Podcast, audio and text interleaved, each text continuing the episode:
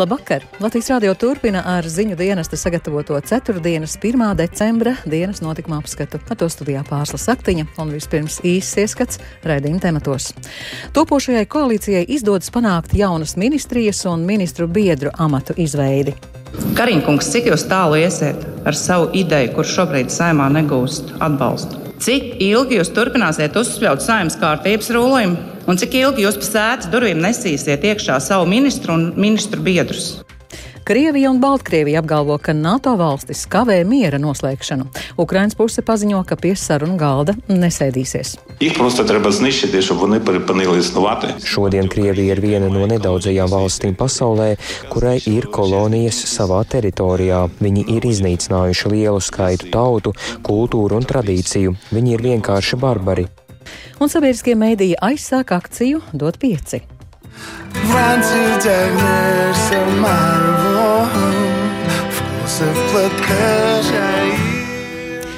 Šogad maratons veltīts Ukrainas bērniem.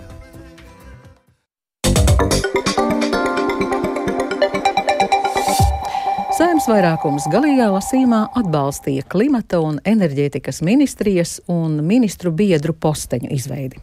Ņemot vērā, ka vairākums juridiskās komisijas deputātu pirms abiem lasījumiem šos priekšlikumus neatbalstīja, opozīcija izmantoja iespēju tos asi kritizēt. Un vairāk Jāņa Kīņčas sagatavotajā ierakstā. Ieceras veidot jaunu klimatu un enerģētikas ministriju un iespēju trīs ministriem noteikt padomdevēju starpnozaru sadarbības jomās radās koalīcijas veidošanas apspriežu procesā. Tomēr šīs idejas, sagatavotas likumprojektu veidā, divreiz neatbalstīja Saimnes juridiskā komisija, kurā pašlaik vairākums ir opozīcijas deputātiem. Tas netraucēja abus lēmumu projektus iekļaut Saimnes sēdes darba kārtībā, kas raisīja opozīcijas deputātu iebildumus. Turpina deputāta Linda Liepiņa no Latvijas pirmajā vietā un Augusts Roberts Brigmans no Zaļo un Zemnieku savienības. Kariņkungs, cik jūs tālu iesiet ar savu ideju, kur šobrīd saimā negūst atbalstu? Cik ilgi jūs turpināsiet uzspļaut saimnes kārtības rulījumu? Un cik ilgi jūs sēdes durvīm nesīsiet iekšā savu ministru un ministru biedrus? Tas viss tikai, lai, godīgi sakot, cienījumā nākošā koalīcija ūdens opozīcija dzirnavā. Mēs noņemt varētu visus šos jautājumus tikai vienu jūsu soli. Jūs iznāktu priekšā un pateiktu, uz šiem biedriem tiek virzīti tādi un tādi cilvēki. Reāli, konkrētu cilvēku pēc tiek viss šis strāda rīdu, viss tā saima patreiz šeit pakļauta. Šādu pieeju ar neizpratni uztver apvienotā saraksta frakcijas vadītājs Edgars Tavars. Viņš stāsta, ka par konkrētiem ministru biedru vai padomdevēju amatiem lēmumu vēl nav, un tos izveidot uz noteiktu laiku būs premjera atbildība. Plānots, ka ministra biedram būs jāpārzina atsevišķas nozars un politikas jomas, kas ietilpst ministra kompetencē. Deputāts Atis Švinka no progresīvajiem gan pauda, ka juridiskās komisijas darbs bijis veltīgs, jo saimnes plenārsēdētās lēmumiem vairs nav pievērsta vērība. Ko es būtu gribējis aicināt? Varbūt noņemt steidzamību šim un sakārtot šo, lai mums vēlāk nebūtu kauns. Līdzīgi kā pirmajā lasījumā, arī šoreiz mazāk debašu bija par jaunās vienotības rosinājumu izveidot klimata un enerģētikas ministriju, pārņemot funkcijas no divām esošām ministrijām. Tas pamatots ar mērķi uzlabot valsts klimata un enerģētikas politikas plānošanu un samazināt šo jomu politikas sadrumstalotību. Sekmīga enerģētikas politika ir būtiska ņemot vērā Krievijas karu Ukrainā un aizvien plašāku atsacīšanos no Krievijas energoresursu piegādēm. Konkrētu izmaiņu plānu aizvien nav sagaidījis parlamentārietis Ainārs Šlesers no Latvijas pirmajā vietā. Gribētos jau saprast, ja bez tām vertikālēm, horizontālēm kur ir reformas. Stāvot uz šīs tribīnes iepriekšējā reizē teicu, ka es pēc būtības to enerģētikas ministru būtu gatavs atbalstīt, ja ir reformas bet es neredzu nevienu piedāvājumu. Finanšu ministrija lēš, ka klimata un enerģētikas ministra atlīdzībai un reprezentācijas izdevumiem gadā būs nepieciešami te 122 tūkstoši eiro. Tos ministrijām būtu jārod jau esošajos resursos. Jānis Kincis, Latvijas Radio. Šodien aprit 31 gads kopš nacionālā referendumā, kurā vairāk nekā 90% Ukrainas iedzīvotāji nobalsoja par Ukrainas neatkarības pasludināšanu no Padomju Savienības. Pēc 30 gadiem Krievija un Baltkrievija apgalvo, ka NATO valstis kavē miera noslēgšanu no jau vairāk nekā 9 mēnešus ilgajā karā. Tikmēr Ukraina paziņojusi, ka sēsties pie sarunu galda ar agresoru nebūtu Ukraiņu tautas cienīgi. Vairāk stāstu Uģis Lībietis. Jau vairākas dienas Ukraiņas bruņoto spēku pārstāvi brīdina par to, ka Krievija varētu gatavot nākamo raķešu triecienu pa Ukraiņas teritoriju. Šodien visā valstīm tika izsludināta gaisa trauksme, jo no lidlauka Baltkrievijā pacēlās vairāk krievu bumbvedēju. Tāpat bruņotie spēki norāda, ka arī Melnajā jūrā joprojām atrodas Krievijas karakuģi, kas visticamāk veids papildu izlūkošanu pirms jauno triecienu izdarīšanas. Šajā saspringtajā laikā ir arī priecīgas ziņas. Ukraina šodien veikusi kārtējo karagūstekņu apmaiņu. Dzimtenē atgriezušies 50 Ukraiņas karavīri, tostarp Mariupols aizstāvi.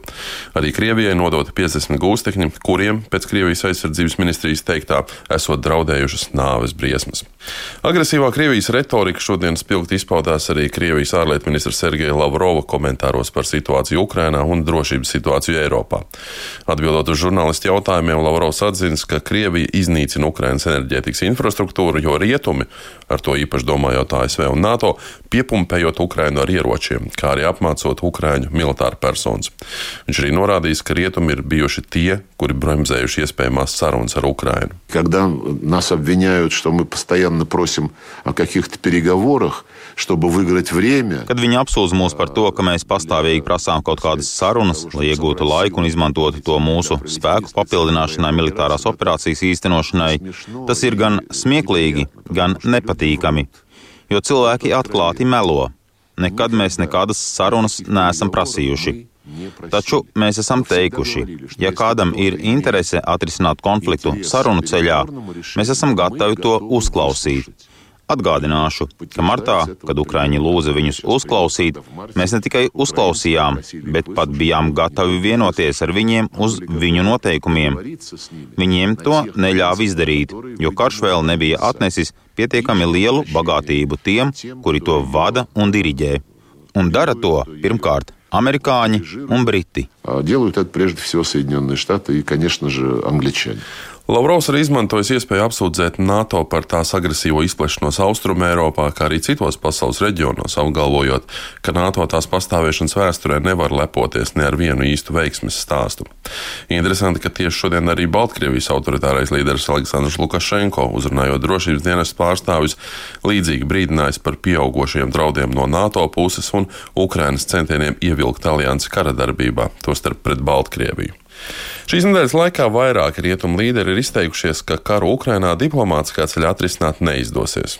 Kā ir paziņojis Ukrainas Nacionālās drošības un aizsardzības padomus sekretārs Aleksijs Daņilovs, ir bezjēdzīgi mēģināt piespiest Ukrainu piekrist kaut kādiem kompromisiem ar cilvēkiem, kuri nogalina Ukrāņu bērnus un zvērīgi izturas Ukrainas zemē. Uzstājoties Kīivas drošības fórumā, Daņilovs par Krieviju izteicies ļoti skarbi. Їх просто треба знищити, щоб вони перепинили існувати. От як країна в тих межах, як вони існують. Viņi ir vienkārši jāiznīcina, lai viņi kā valsts beigtu pastāvēt tajās robežās, kurās viņi pašlaik eksistē. Šodien Krievija ir viena no nedaudzajām valstīm pasaulē, kurai ir kolonijas savā teritorijā. Viņi ir iznīcinājuši lielu skaitu tautu, kultūru un tradīciju. Viņi ir vienkārši barbari. Bet, kad jūs sakāt, ka ar šiem barbariem mums jāsēžas pie sarunu galda un jāsarunājas, tad, manuprāt, tas nebūtu mūsu tautas cienīgi. Tas ir nedastojīgi, nebūtu našā naroda. Daņilovs arī norādījis, ka gan Ukrainai, gan tās partneriem ir jāpanāk vienots viedoklis par to, kā tad izpaudīsies Ukrainas uzvara. Pēc viņu vārdiem ir nepieciešams karam pielikt īstu punktu, jo kompromiss tikai pabīd tālāk turpmākas problēmas. No Ukrainas skatu punkta risinājums ir tikai viens - Ukrainas varas atgriešanās robežās, kas tika atzītas 1991. gada 1. decembra referendumā. Līdz tam par nekādu uzvaru runas nevar būt. Uģis Lībijams, Latvijas radio. Francijas prezidents Emmanuels Makrons paziņojis, ka drīzumā runās ar Krievijas prezidentu Vladimiru Putinu. Makrons cer, ka sarunas par kara izbeigšanu joprojām ir iespējamas. Makrons iepriekš jau ir sarunājies ar Putinu un centies veicināt kara izbeigšanu sarunu ceļā un par to izpelnījies kritiku. Un arī šoreiz Makrons paudis pārliecību, ka ir tikai pragmatiski sadarboties ar esošajiem Krievijas līderiem un atbildīgajiem par valsti. Turpina Vendija Maslobojeva. Francijas prezidents Emmanuels Makrons pašlaik atrodas valsts vizītē pie ASV prezidenta Džo Baidena, tāpēc norādīja, ka viņa prioritāte šobrīd ir padziļināti apspriesties ar ASV prezidentu. Nenoliedzami Ukrainas karš ir viena no centrālajām abu prezidentu sarunu tēmām. Vizītes laikā Francijas prezidents pauda optimismu par Ukrainas progresu pretojoties Maskavai, taču norādīja, ka priekšā ir ilgs un grūts karš. Ja Putins piekristu sarunām, tad Makrons būtu gatavs sēsties pie viena galda ar viņu. Tomēr Makrons uzskata, ka labs miers nav miers, ja to Ukraiņiem nodrošinās kāds cits. Latvijā pēc novadu reformas jaunajās pašvaldībās darbinieki ir komplektēti tādā skaitā un tādos amatos, kā grib viņi paši, nevis pēc pašvaldības darba vajadzībām. Tā var secināt pēc jaunākās valsts kontrolas revīzijas. Valsts kontrolas padomas loceklis Edgars Korčāgins Latvijas radio teica, ka konstatētie trūkumi liecina par to, ka būtiski jāpilnveido izpratne par personāla politikas nozīmi sekmīgai pašvaldību funkciju izpildēji. Korčāgins aicināja izmantot valsts kontrolas izstrādāto metodiku, ar kuras palīdzību novērtēt darbinieku produktivitāti. Un, diemžēl, kas ir vēl satraucošāk, tas, ko mēs redzējām, ka lielā daļā pašvaldību, te 40%, faktiski pat nav uh, atbilstošas izglītības personāla speciālistu. Līdz ar to arī nav zināma mērā priekšnoteikumu mērķtiecīgi darba turpināšanu. Kādā veidā tad uh, pašvaldības ir noteikušas, cik daudz um, darbinieku konkrētu darbu veikšanai jaunizveidotajā pašvaldībā būs nepieciešams un kā tie lēmumi ir pieņemti. Tas, ko mēs redzējām, ka pārsvarā šie lēmumi ir pieņemti balstoties uz speciālistu viedokļiem, uz iepriekšēju pieredzi un, diemžēl, ne datos balstīti, kas varētu sniegt kaut kādu stabilāku pamatu lēmumu pieņemšanai. Tikai desmit pašvaldībās mēs aprēķinājām, ka pašvaldības varētu ietaupīt līdz pat 89 darbinieku slodzēm, un tīra naudiskā izteiksmē tas nozīmētu vairāk kā 1,3 miljonu eiro budžeta ietaupījums ik gadu redzam, ka pārsvarā gadījumā darbinieki netiek mērķtiecīgi vadīti. Ko es ar to domāju? Ar to, ka faktiski 35 no 36 pašvaldībām redzējām, ka darbiniekiem netiek noteikti individuāli sasniedzami mērķi, kas viņiem ir savu darbu veicot jāsasniedz. Šie mērķi neizriet no pašvaldības kopējiem mērķiem. Tātad nav garantijas par to, ka darbinieki strādā pašvaldībai vajadzīgajā virzienā uz mācībām netiek sūtīti pašvaldībās, bet tiek sūtīti drīzāk tajās jomās, kur to obligāti pieprasa likums. Ir skaidrs, ka nav pamata runāt arī par uh, pamatotu darbinieku rezultātu novērtēšanu, balstoties uz kuru jau tad varētu noteikt gan viņu mācību vajadzības, gan arī attiecīgi prēmēt tur, kur varbūt darbs ir izdarīts labi. Tā valsts kontrolas padomas loceklis Edgars Korčākins. Šodien ir Pasaules aids diena. Tās priekšvakarā apvienoto nāciju organizācija publiskojusi ziņojumu, kurā atzīst, ka pasaules valstis atpaliek no sava plāna izskaust aids līdz 2030. gadam, jo slimības izplatību veicina nevienlīdzība. Latvijā pat laban ir aptuveni 6000 HIV aids pacientu un aptuveni pusei HIV pārnese notiek heteroseksuālās attiecībās. Tā Latvijas radio teica ar HIV inficēto atbalsta biedrības Agihas valdes priekšsēdētājs Andris Veikinieks. Pat labi Latvijā ir pieejami medikamenti un ārstēšana notiek pilnībā bez maksas, taču terapiju lieto aptuveni tikai puse no tiem, kuriem tas būtu jādara. Un viens no iemesliem ir pašdisciplīnas trūkums, uzskata Veikinieks. Ārstēšana Latvijā ir pieejama pilnīgi visiem pacientiem kopš 2018. gada 1. oktobra bez kaut kādiem kritērijiem, un šie rezultāti mums diezgan slikti ir. Mums šobrīd Latvijā terapiju lieto aptuveni 55% no cilvēkiem, kuriem tas būtu jālieto. Kurš zinās atbildus to, kāpēc tas notiek, tas droši vien saņems Nobel prēmiju. Uh, manuprāt, Latvijā ne tikai ar HIV, bet arī ar citām saslimšanām ir līdzjūtības problēmas. Proti, ka cilvēki kaut kādā zināmā laikā pārtrauc lietot jebkuru terapiju. Arī onkoloģiskās organizācijas sastopās ar, ar, ar šo problēmu, ka cilvēki vienkārši izkrīt no tā ārstēšanās ritma vai, vai tīkla vai režīma. Pašdisciplīnas problēma, ja jūs redzat, ka ir arī kaut kādi citi aspekti, kas to ietekmē. Nu, manuprāt, tur ir pamats, ir pašdisciplīna, jo ir jāatcerās, ka tā ir mūžīga terapija lai arī viņi ir valsts kompensēti, bet tā ir mūža ilga terapija, un tā ir terapija, kas tev ir jālieto katru dienu. Un, ko tad tā terapija dod? Tā terapija dod, ka cilvēks nodzīvo pilnasinīgu, veiksmīgu, laimīgu, iespējams arī dzīvi, un lietojot terapiju, arī var radīt pilnīgi vesels pēcnācējs. Bet Latvijā ir, cik saprotu no jūsu teiktā, ir labas iespējas tikt pie efektīvām zālēm, ārstēšanas, pie jaunākajiem medikamentiem. Jā, ja ir pieejamā terapija ir ārkārtīgi laba. Un tā arī tam pacientam nemaksā. Pilnīgi neko. Ar eh, diagnosticētu HIV saslimšanu neviens ārstniecības pakalpojums šim pacientam nemaksā pilnīgi neko, izņemot labo gribu. Tā HIV inficēto atbalsta biedrības Agihas vadītājs Andris Veitinieks, viņu iztaujāja Jānis Ramāns. Pēdējā laikā pieaugusi saslimstība ar covid-19. Arī slimnīcās atzīst, ka tomēr nedaudz covid pacientu skaits ir audzis. No šīs nedēļas valsts vairs neapmaksā testēšanu bez ārsta nosūtījuma, taču atbildīgajā ministrijā sola, ja apstākļi to liks, testēšanas apmaksas kārtība atkal tiks mainīta. Un par aktuālo saistībā ar covid-19 saslimstību Kristapa Feldmaņa ierakstā. Vērtējot pagājušās nedēļas informāciju par saslimstību ar covid-19, redzams, ka pēc divu mēnešu pakāpeniska saslimstības mazinājuma aizvadītajā nedēļā pirmo reizi saslimstība augusi. Slimību profilakses un kontrolas centra pārstāve Ilze Arāja stāsta, lai arī Latvija šobrīd atrodas zem vidējā Eiropas Savienības saslimstības rādītāja, tomēr Latvijā pieaugusi saslimstība 0 līdz 9 un 30 līdz 49 gadu vecuma grupās. Virsvidējā saslimstības rādītāja Latvijā atrodas Kurzeme. Latgale un Rīga. Tiesa mirstības rādītāju kāpumu šobrīd vēl nemana.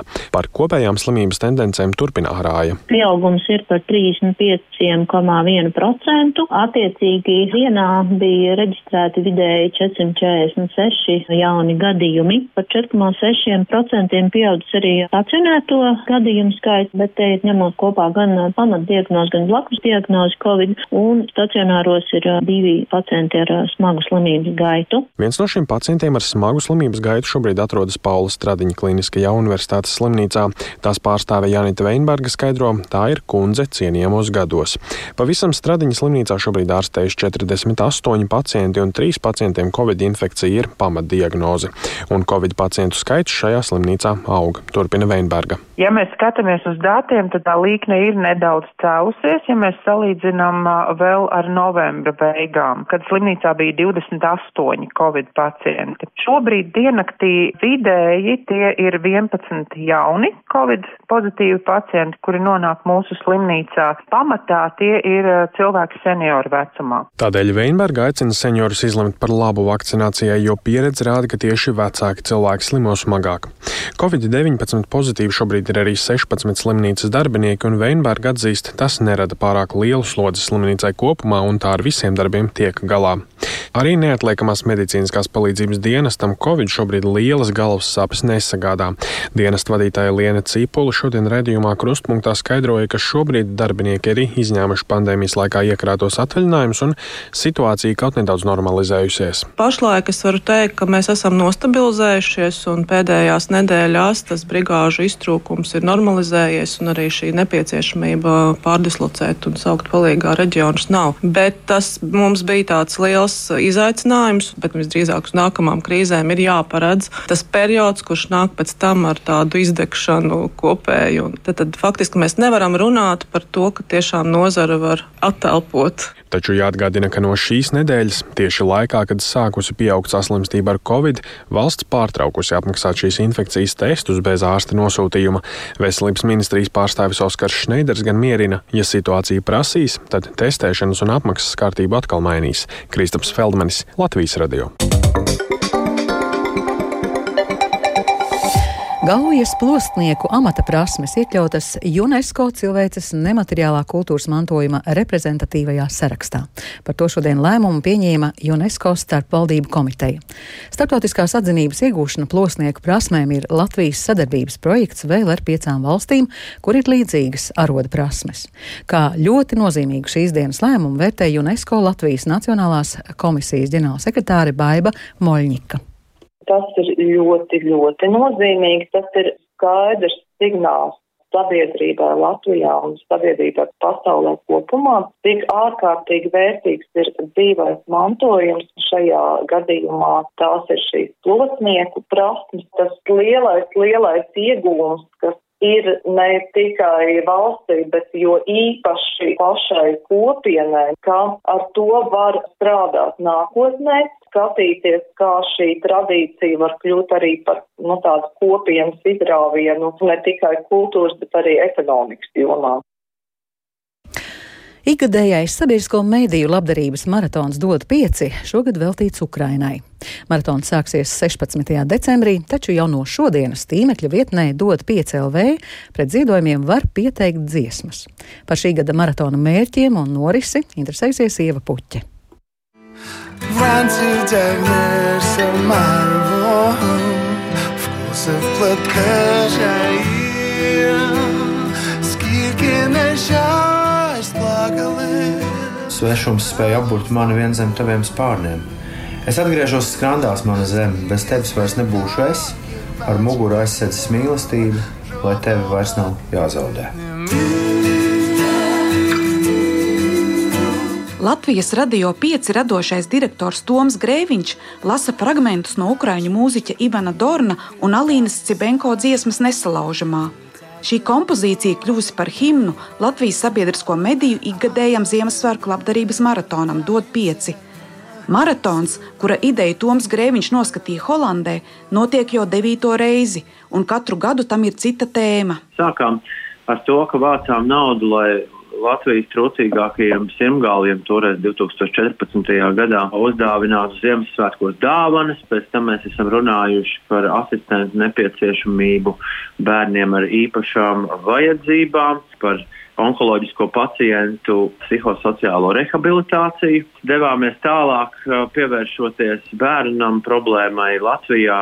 Pēc tam mēs runājām par dzīves beigām, vācām naudu pilnvērtīgam uzturam neārstējam slimiem cilvēkiem, kad tajā laikā netika no valsts dotēts. Viens no panākumiem, ko DOT 5 toreiz panāca, bija tas, ka mēs šo dotāciju turpmāk ielikām iekšā valsts budžetā. Šogad akcija veltīta Ukraiņas bēgļu bērniem, kas dzīvo Latvijā. Mums nav līdz galam izstrādāta sistēma, kā bēgļu bērniem nodrošināt visu viņu dzīvei nepieciešamo, nodrošināt pamatvajadzības. Tāpēc arī mēs nolēmām vākt līdzekļus tikai un vienīgi Ukrāņu bērniem, kas šobrīd dzīvo Latvijā. Ne tikai maratona himnas autors, Ukrainā ļoti populārs mūziķis Ivans Dorns, bet arī viens no dīdžejiem, kas no 16. decembra darbosies maratona studijā Ziemassvētku tirdziņā Doma laukumā, ir no Ukrainas.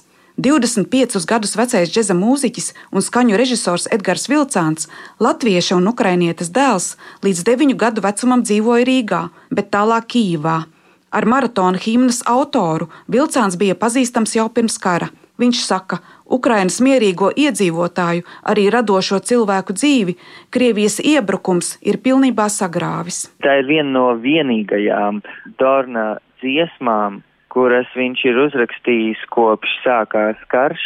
Un viss, ko cilvēks pārdzīvoja, viss, ko mākslinieks varēja iedot tai dziesmai, manuprāt, viņš iedeva. Tāpēc atbilstošāku himnu pat uh, nevar iedomāties. Cik naudas labdarības maratonā cer savākt tā rīkotāji un kādi ir bijuši iepriekšējo gadu ziedojumu rekordi, to viņi neuzskata par vajadzīgu izvirzīt priekšplānā.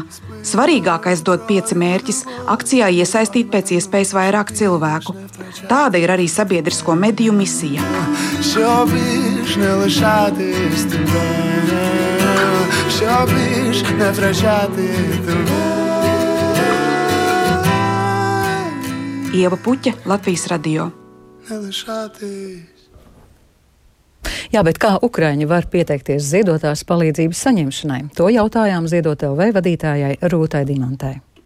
Jebkura Ukraiņu ģimene, kas ir atbēgusi no kara, var pieteikt palīdzību saviem bērniem, dot pieci internetu vietnē, gan uh, Ukraiņu, gan latviešu, gan angļu valodā. Mēs esam ir Ukraiņu valodā šo te izveidējuši, un tas palīdzības veidi, kādiem var pieteikties no ziedojumiem, ir medicīniskā palīdzība, izglītības palīdzība vai sociālā palīdzība. Pieteikšanās ir ļoti ērti, ir jāizpilda īsa anketa, un tad uh, pēc šīs ziedotā vai birojas saņem palīdzību palīdzības pieteikumu, tad jau sazinās ar ģimeni un precizāk, kā tieši palīdzēt. Tā kā tie klausītāji, kuru redzeslokā ir kara bēgļi no Ukrainas un jūs zinat, ka viņiem ir nepieciešama palīdzība, iesakiet doties uz dot 5.lv mājaslapu un pieteikt šo palīdzību. Ar to izskan dienas notikuma apskats. Producents Edgars Kupčs ierakstus montēja Renāša Steimanis, par labskaņu rūpējās Kārlis Rašmanis, ar jums runāja Pārslas Saktiņa un īsi par svarīgāko. Topošajai koalīcijai izdodas panākt jaunas ministrijas un ministru biedru amatu izveidi. Krievija un Baltkrievija apgalvo, ka NATO valstis kavē miera noslēgšanu. Ukraina paziņo, ka pie sarunu galda nesēdīsies.